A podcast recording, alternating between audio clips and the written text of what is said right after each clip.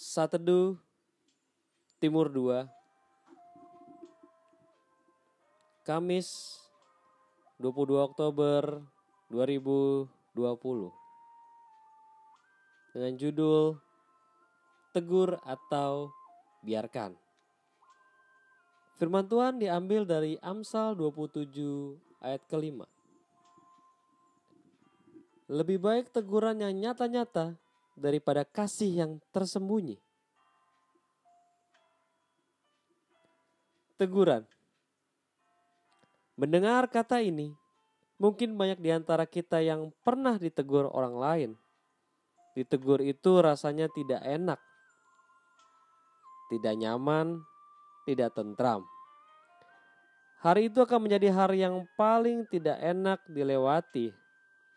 Kesal, marah, emosi, naik pitam adalah kemungkinan-kemungkinan yang bisa terjadi dengan adanya teguran. Namun, tidak semua orang seperti itu.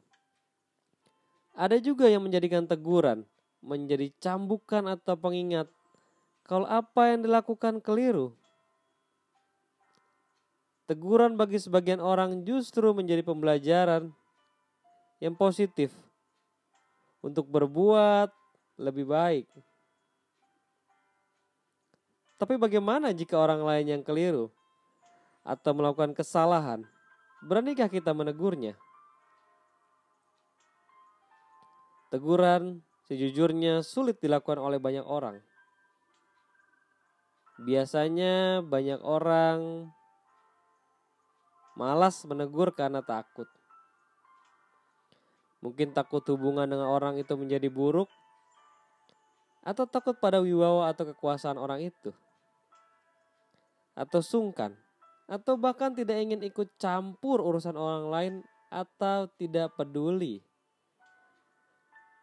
Dalam Amsal 27 ayat kelima tertulis, lebih baik teguran yang nyata-nyata daripada kasih yang tersembunyi. Bicara tentang teguran, ada kisah dari Alkitab, yaitu teguran Nathan kepada Daud. Teguran dilakukan Nathan ketika Daud menyimpan dosa rapat-rapat dengan merebut istri Uria dan membunuh Uria juga.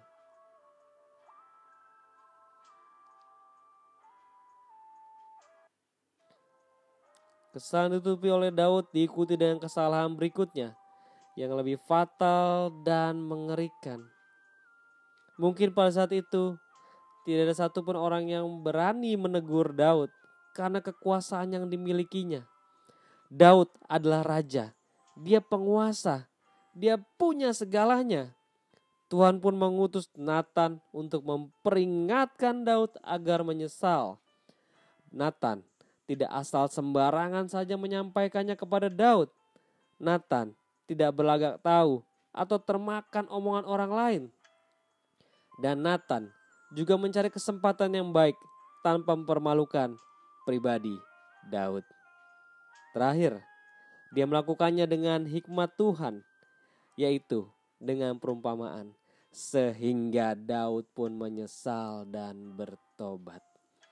Tujuan Nathan menegur yang penting adalah bukan menghancurkan karakter Daud, namun membuat Daud menyesal dan bertobat. Saudaraku, beranilah untuk menegur orang-orang yang melakukan kesalahan, namun tetap dengan hikmat Tuhan.